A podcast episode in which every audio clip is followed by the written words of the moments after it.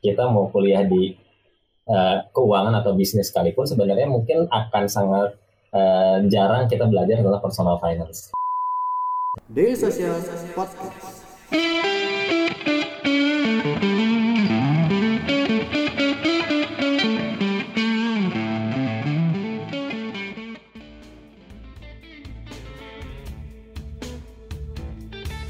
Selamat malam semuanya, kembali lagi di Selasa Startup yang dia, uh, selalu diadakan Daily Social tiap Selasanya ya. Seneng banget uh, bisa mengawali Agustus ini nih edisi pertama Selasa Startup di bulan Agustus tahun 2020 ini. Kita akan ngobrolin tentang literasi keuangan nih. Tapi sebelum uh, aku kenalin, kita malam ini ngobrol sama siapa, kita kenalan dulu nih sama Daily Social. Mungkin malam ini teman-teman baru pertama kali nih nonton Selasa Startup. Jadi uh, kita adalah uh, online webinar yang biasa kita ngebahas nih hal-hal insight-insight seputar startup dan juga teknologi. Jadi mungkin kalau teman-teman tertarik seputar dunia startup dan juga teknologi kita tenang aja kita selalu mengadakan Selasa Startup di tiap Selasanya dan uh, Daily Social merupakan media yang berfokus pada informasi dan juga uh, seputar informasi inovasi teknologi gitu dan uh, malam hari ini seperti yang kita bilang tadi kita malam hari ini akan membahas tentang literasi keuangan nih bagaimana uh, mungkin terkait literasi keuangan ini lagi ramai di media nih tentang apa nih uh, kita hari ini juga sudah mendatangkan salah satu orang yang uh, luar biasa ya mengerti pasti literasi keuangan dari Halovina yaitu Mas Aji Wicaksana. Halo, selamat malam Mas Aji. Halo Mas Ilham, selamat malam. Mas Aji merupakan CEO ya Mas ya, CEO dan juga co-founder dari Halovina. Ya. Yeah. boleh kenalan uh, sedikit mungkin Mas kita pengen kenal nih siapa Mas Aji dan juga mungkin uh, tentang Halovina ini. Silakan Mas. Ya, uh, Baik, makasih banyak Mas Ilham buat untuk kesempatannya. Uh, Assalamualaikum warahmatullahi wabarakatuh. Selamat malam uh, teman-teman semua, para uh, penonton atau pendengar nih, uh, setia dari Daily Social. Makasih banyak untuk undangannya juga. Uh, mungkin kenalan sedikit uh, di awal. Nama saya Aji Ucasana. Saya saat ini tadi diperkenalkan juga sebagai CEO dan co-founder dari Halovina buat teman-teman yang mungkin uh, belum pernah dengar tentang Halovina atau pernah dengar tapi nggak yang kenal-kenal banget, kita adalah sebuah startup uh, fintech yang fokus di uh, financial eh, apa namanya personal finance uh, planning dan juga investment planning. Jadi kita ngebantuin user kita atau customer kita dalam melakukan perencanaan keuangan dan juga strategi investasi secara tepat. Uh, kita available di Play Store dan di App Store. Dan ngomongin tentang literasi keuangan nih Mas Haji. Iya. Yeah. Uh, sebenarnya kalau misalnya secara umum ya Mas ya, mungkin secara umum uh, literasi kondisi nih, kondisi literasi keuangan Indonesia sendiri sebenarnya gimana ya Mas dalam pandangannya Mas Haji dan juga Halovina mungkin? Iya, kalau misalnya uh, uh, apa kita ngelihat dari sisi literasi keuangan dan mungkin ini juga sesuai sama topik uh, kita hari, sore malam hari ini. Uh -huh. uh, Mungkin yang pertama dilihat dari data risetnya OJK di tahun 2016 eh, tingkat literasi keuangan Indonesia itu 29,7 persen, mas. Terus kemudian berarti cuma tiga dari 10 orang di Indonesia yang well literated dari sisi financial. Terus kemudian 2019 dilakukan riset biasanya memang tiga tahun sekali. Uh, di 2019 dari 29 persen itu meningkat ke 38 persen, jadi hampir 4 dari 10 orang. Nah ini peningkatan yang sebenarnya uh, sangat baik Cuma kalau misalnya kita compare dengan beberapa negara tetangga kayak di Malaysia atau Singapura, kita relatif di angka 38% itu masih ada gap yang cukup besar. Nah, jadi di beberapa negara tetangga angkanya udah sekitar 70%, 80%, 90%. Hmm. Jadi uh, angkanya relatif cukup uh, jauh. Nah, di sini itulah yang sebenarnya menjadi salah satu misinya Halovina adalah untuk mencoba untuk meningkatkan literasi keuangan. Kenapa?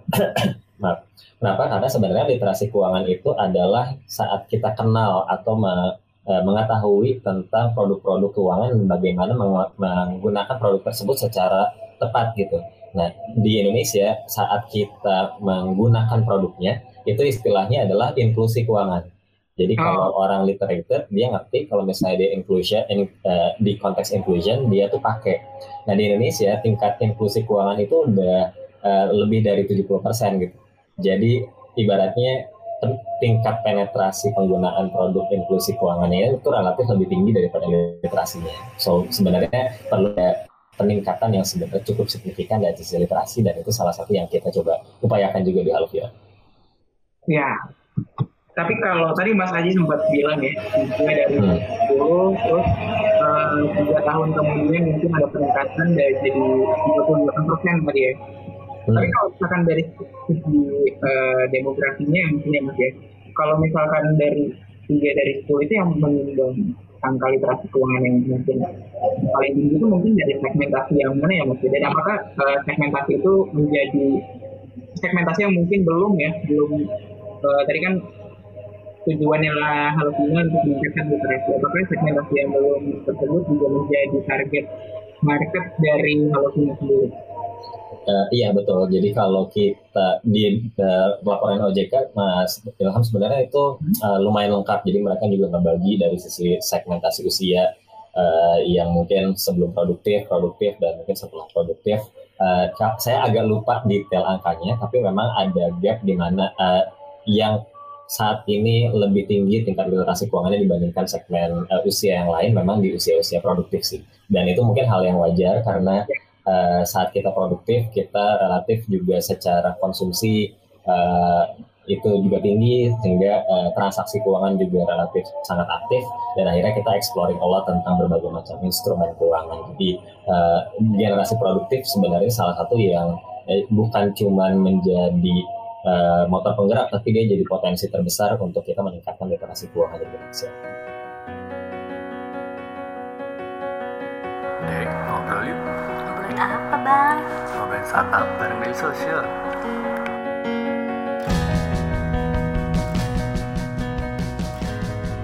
Daily Social Podcast.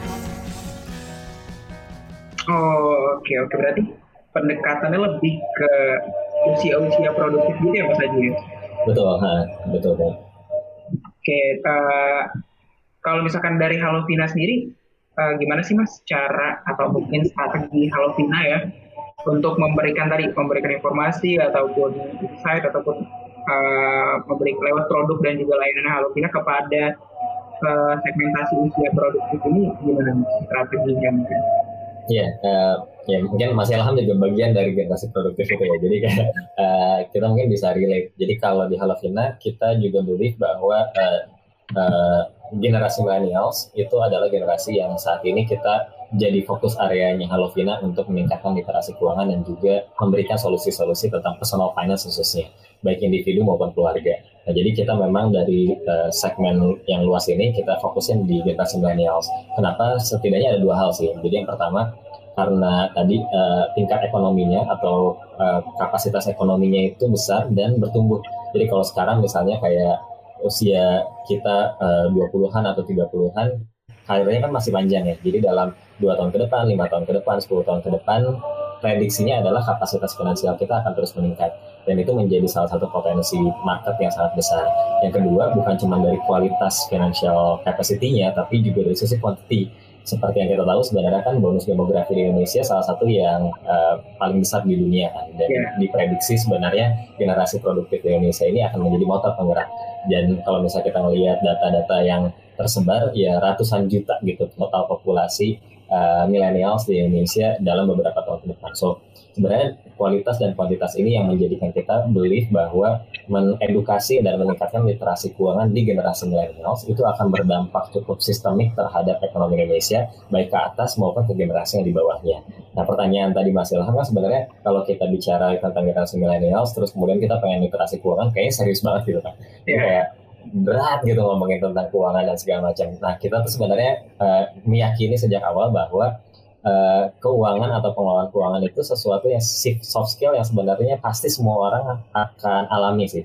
Mungkin mayoritas kayak uh, saat konteksnya mungkin mirip kayak parenting lah ya. Jadi kalau kita berkeluarga terus kemudian punya anak, semua orang pasti akan yang punya anak ini pasti jadi orang tua kan, jadi ibu, jadi ayah gitu. Cuman secara umum TK, SD, SMP, sama kuliah kita nggak pernah belajar tentang gimana caranya jadi orang tua, benar nggak sih? Secara terstruktur lah ya. Jadi kita lebih banyak uh, belajar dari orang tua kita, atau belajar dari teman, atau belajar dari internet. Yang mungkin ada hal yang benar, ada hal yang salah, ada yang baik, ada yang buruk, atau ada yang tepat atau yang nggak tepat gitu. Nah, perencanaan keuangan atau personal finance kita believe bahwa itu sesuatu yang semua orang pasti dialami sih setiap orang punya income, gaji pertama atau apa pun itu, dia pasti sudah masuk ke area uh, personal finance management. Nah, cuma pertanyaannya atau case-nya adalah kita mau kuliah di uh, keuangan atau bisnis sekalipun sebenarnya mungkin akan sangat uh, jarang kita belajar tentang personal finance. Nah, ini yang akhirnya kita ngerasa ada gap antara kebutuhan dengan sesuatu yang memang uh, apa kita dapat ya dalam konteks uh, edukasi secara keseluruhan. Nah, jadi kata kuncinya sebenarnya yang kita yakini adalah karena setiap orang itu akan mengalami fase-fasenya, maka strategi marketing atau mungkin how to reach the customer yang dibangun di Halovina adalah kita mencoba untuk lebih relate, membangun relate uh, relation atau kayak sesuatu yang relatable atau emotionally uh, attached gitu ke customer uh, market kita gitu atau ke millennials ini sendiri. Mungkin ada segmen millennials yang relate sama, oh gue mau beli rumah nih, gue jadi concern tentang KPR jadi gue concern tentang investment atau gue pengen ngelain anak sehingga gue harus mulai concern tentang pendidikan anak dan seterusnya dan seterusnya jadi setiap orang kita yakini bahwa punya preferensi masing-masing, punya kepentingannya masing-masing, punya masalahnya masing-masing, dan personal finance management akan menjadi salah satu solusi dalam uh, mencapai atau menyelesaikan masalah-masalah tersebut. Oke, okay. jadi uh, kata kuncinya menjaga relevansi ya mas ya? Betul. Membuat membuat apa yang kita sampaikan itu jadi apa ya relate lah. Jadi kalau misalnya kayak Mas Ilham nih uh, misalnya Mas Ilham udah nikah belum ya belum belum. Belum ya? Misalnya mau, sudah nikah belum. Ya misalnya mau berencana menikah gitu kan kan akan jadi lebih relate dibandingkan Mas Ilham diceritain tentang oh ini sekolahin anak kuliah nih mahal loh kan pasti agak jauh gitu kan jadi kan eh, mungkin ngomongin tentang nikah atau ngomongin tentang punya mobil atau punya rumah dan traveling misalnya itu jadi lebih relate gitu. Dan semuanya sebenarnya berkaitan dengan hal yang sama tentang gimana kita ngelola duit kita hari ini untuk mencapai apa yang kita ingin capai di masa depan. Wah iya jadi kepikiran nih mas ya. Jadi kepikiran ya aku. Aduh ini uh, kebutuhan banyak nih. Mas uh, sekarang kan lagi ini ya tadi kita uh, sempat sempat nanya sebelum live nih uh, halo Vina UEFA atau tidak. Ya uh, dari segi operasional bisnis mungkin ada perubahan lah ya mas ya.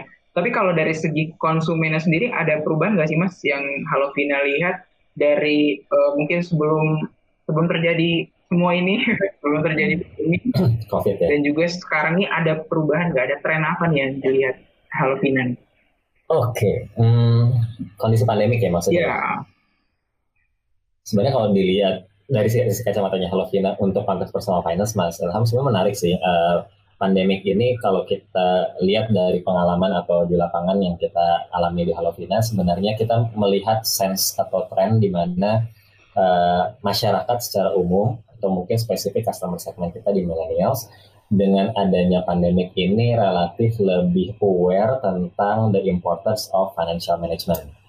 Jadi uh, awareness-nya relatif lebih tinggi dibandingkan sebelumnya. Dan ini juga ada beberapa riset salah satunya riset dari Facebook uh, dilakukan sekitar bulan Maret April uh, di Indonesia. Itu ditemukan atau uh, riset itu menyatakan bahwa uh, yang paling tinggi dampak dari um, kepada masyarakat adalah dampak berkaitan dengan financial pressure atau financial concern jadi ternyata sekitar 60% dari responden itu menyatakan bahwa dengan adanya kondisi pandemik, 60% di antara responden lebih merasa uh, concern tentang financial security di masa depan, financial uh, stability dan segala macam. Dan itu mungkin relate dengan berbagai macam apa ya berita yang kita uh, dengar beberapa waktu terakhir. Misalnya kalau kita punya bisnis mungkin ya omset kita atau mungkin operasional kita terdampak kalau misalnya kita bekerja mungkin ada beberapa pekerjaan lini pekerjaan yang terpaksa merumahkan terus kemudian juga mungkin harus ada penyesuaian dari sisi gaji dan lain-lain dan itu pasti berdampak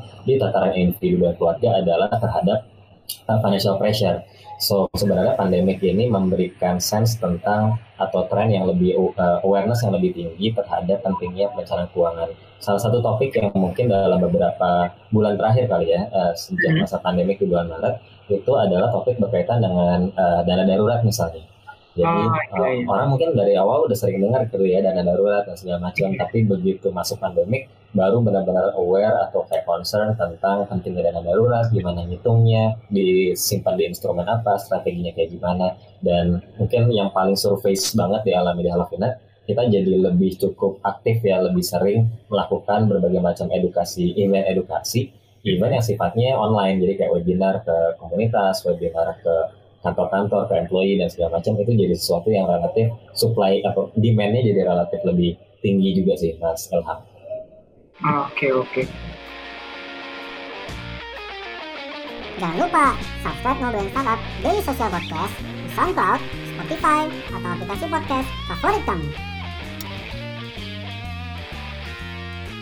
Jadi ada uh, ya uh, aku juga menyadari ya ke diriku dan juga mungkin teman-teman gitu udah mungkin lebih aware nih. Dan juga karena tadi ya ada financial pressure juga mungkin jadi orang-orang jadi mulai berpikir nih oh uh, sebelumnya belum pernah punya dana darurat. Mungkin sekarang udah mulai ya mas ya. Udah mulai yeah. berpikir tentang dana darurat itu. Hmm. dan uh, oh iya mas kalau misalkan mau ngomongin ini lagi ya Halo Vina nih.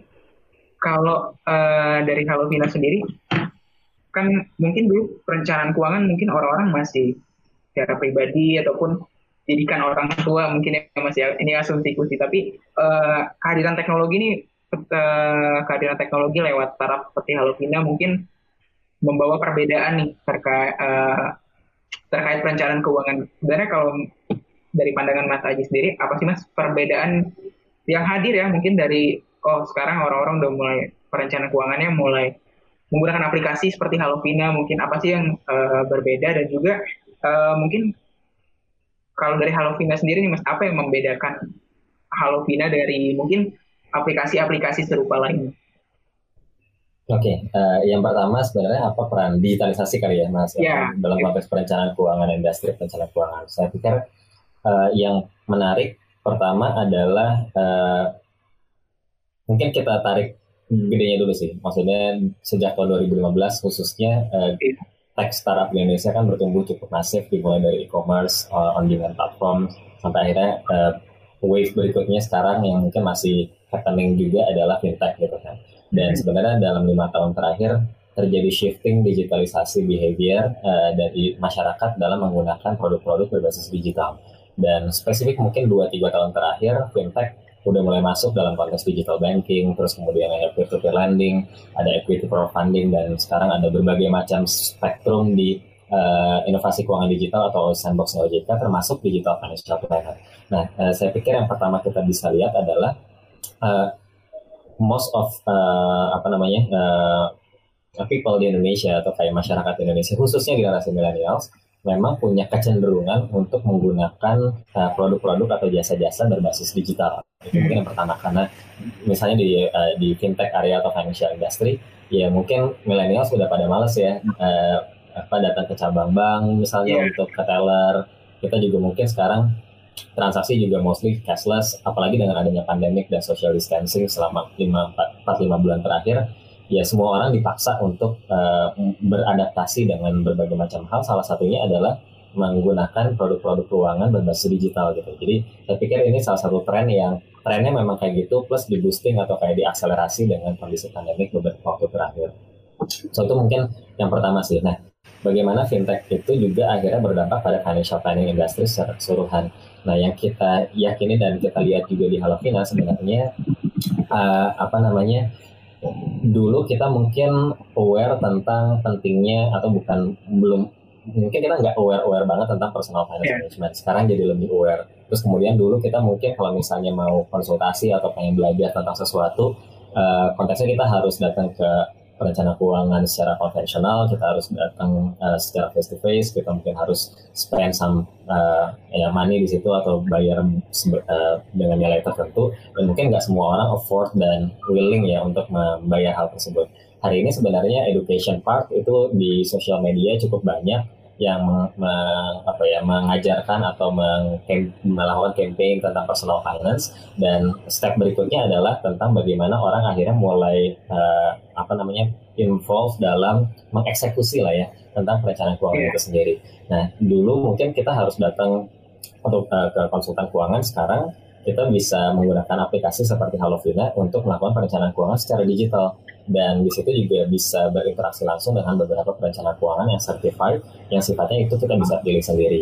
Nah itu yang mungkin uh, lanjut ke pertanyaan berikutnya adalah ya uh, salah satu yang kita jadi sebagai salah satu unique value proposition yang Lovina adalah kita membangun uh, journey yang terintegrasi antara uh, perencanaan keuangan secara digital, terus kemudian juga berinteraksi langsung dengan financial consultation yang certified, sampai akhirnya berinteraksi dengan atau bisa membeli uh, produk uh, yang sekarang kita mulai dengan produk investasi yang sudah memiliki izin dan diawasi oleh OJK. Jadi sebenarnya yang kita harapkan adalah dengan uh, end-to-end journey ini membuat uh, orang itu tidak berhenti di tengah jalan sampai akhirnya dia bisa mengeksekusi dan dia bisa mendapatkan ekosistem yang safe, secure karena semuanya memang uh, transparan dan uh, certified atau diawasi oleh regulator terkait. Oke.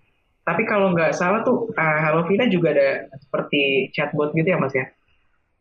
Uh, sebenarnya mungkin bukan chatbot sih, tapi memang ada beberapa algoritma yang kita bangun untuk membantu user kita dalam melakukan perencanaan keuangan secara digital sih. Jadi sistem generated advice. Oh gitu. Apa itu cukup uh, itu dampaknya secara bisnis atau secara operasional gimana mas? Penggunaan pemanfaatan sosul, uh, solusi teknologi seperti itu dalam berinteraksi dengan konsumen gimana efeknya?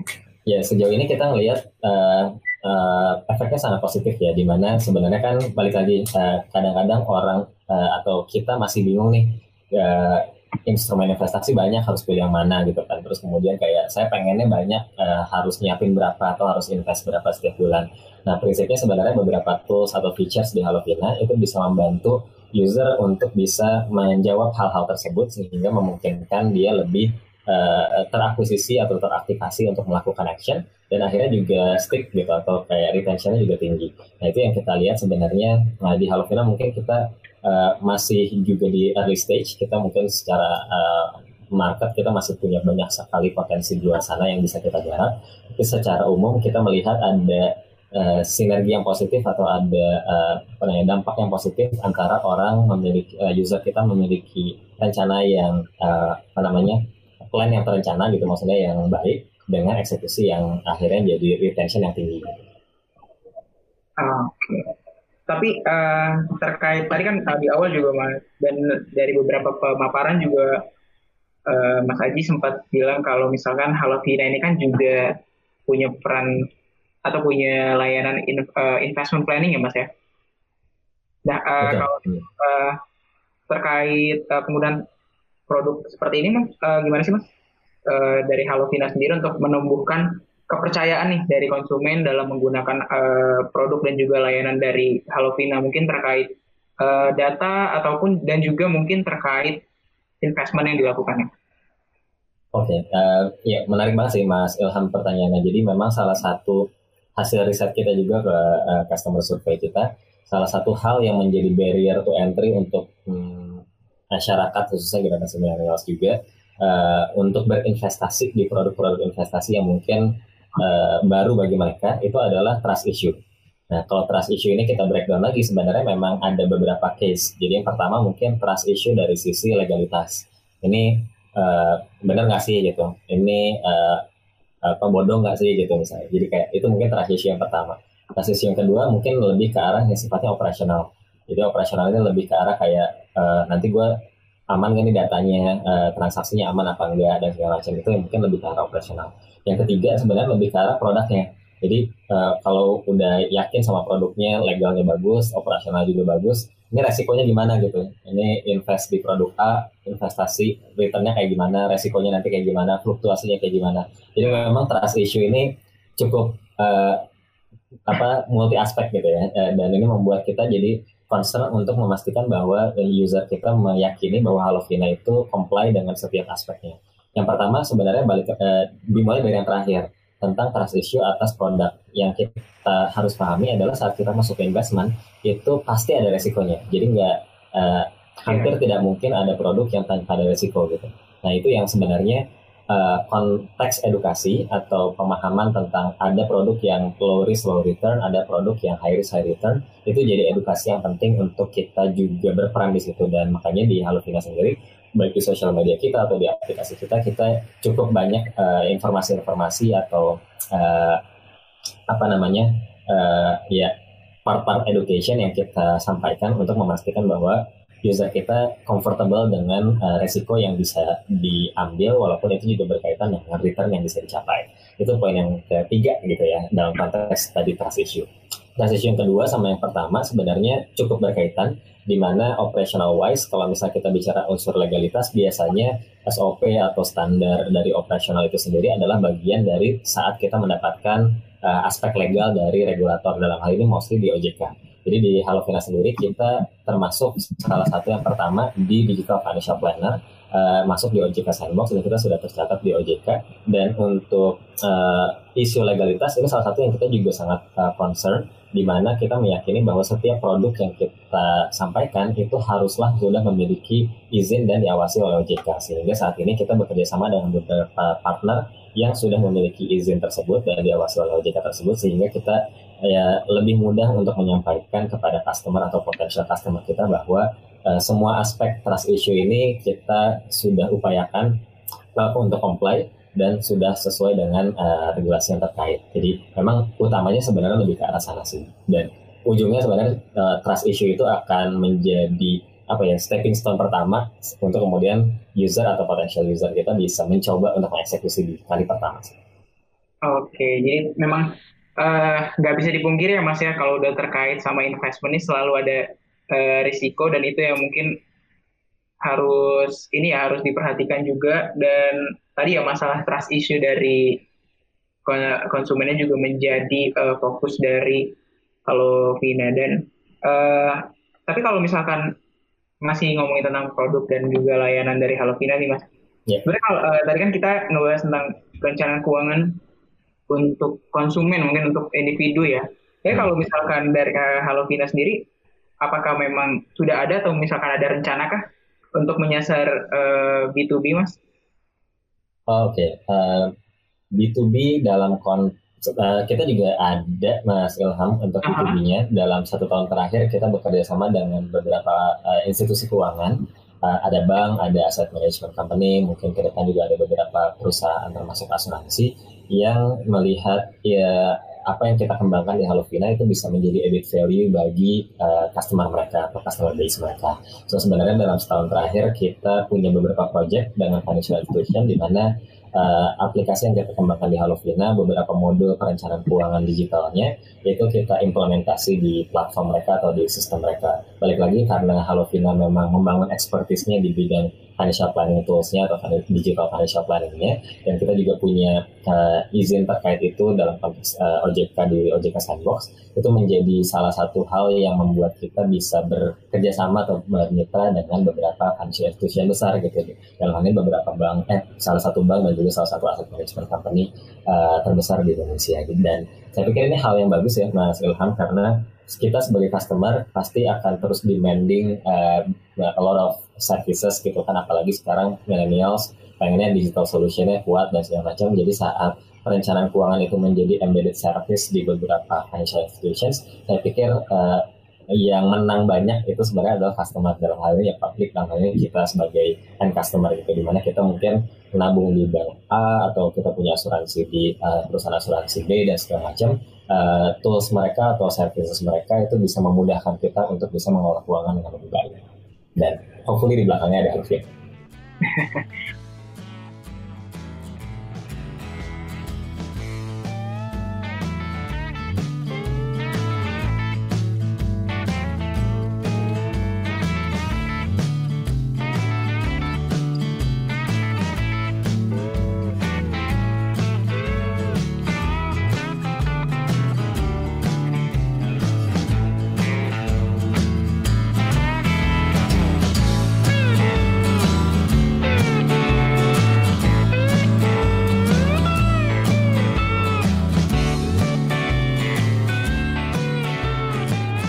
Alfian. keep in touch bersama kita di dailysocial.id untuk website kita.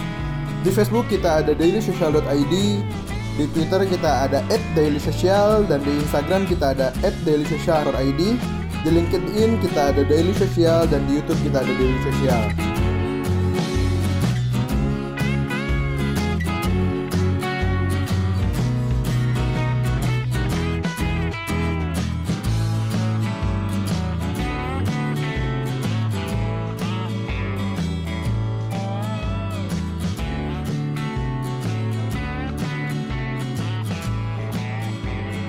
Daily Social Podcast.